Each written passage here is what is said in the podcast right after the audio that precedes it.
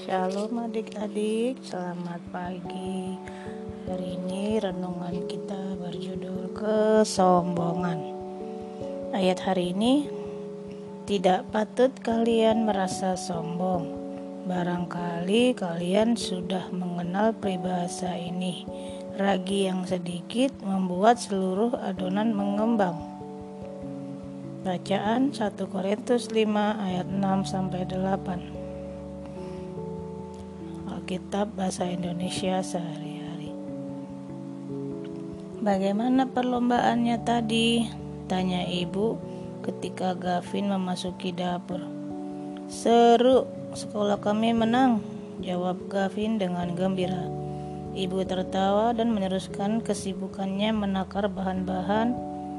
Sini bantu ibu membuat roti yang tidak perlu diadon dengan resep baru ini.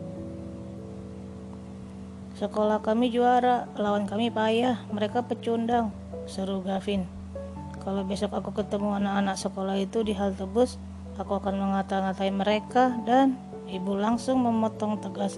Kita hanya tinggal mencampur semua bahan dan mengaduknya pelan-pelan, lalu kita biarkan saja adonannya di mangkok selama satu malam dan kita tunggu.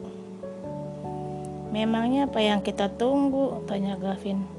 Menunggu raginya bekerja, jawab ibu misterius.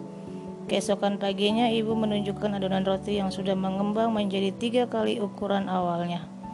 Sedikit ragi bisa membuat adonan mengembang jadi begitu besar. Seru Gavin.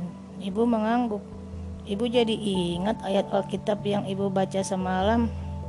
Kata Rasul Paulus dalam 1 Korintus 5 ayat 6 Bersikap sombong itu tidak baik. Ia menyamakan kesombongan dengan ragi, mengingatkan jemaat di Korintus bahwa kesombongan satu anggota dapat menyebar ke seluruh gereja. Prinsipnya begini. Sedikit kesombongan mungkin kelihatannya tidak apa-apa. Tapi seperti ragi, kesombongan dapat tumbuh semakin besar dan mempengaruhi kita semua. Lanjut ibu, kamu boleh-boleh saja merasa senang karena sekolahmu menang, tapi kalau tidak hati-hati bisa menimbulkan iri hati. Gavin mengangguk. Kemarin pelatih kami juga bilang begitu sih, tapi ternyata Alkitab sudah mengatakannya lebih dulu. Terima kasih sudah mengingatkan, Bu. Aku berjanji tidak akan berlebihan merayakan keberhasilan sekolahku. Renungkanlah. Bolehkah kita menyombongkan perbuatan-perbuatan kita yang berdosa? Kenapa tidak? Bolehkah kita menyombongkan berkat-berkat yang kita terima? Bagaimana kita dapat mencegah agar kesombongan tidak menimbulkan perkataan dan perbuatan yang membuat hati Tuhan sedih?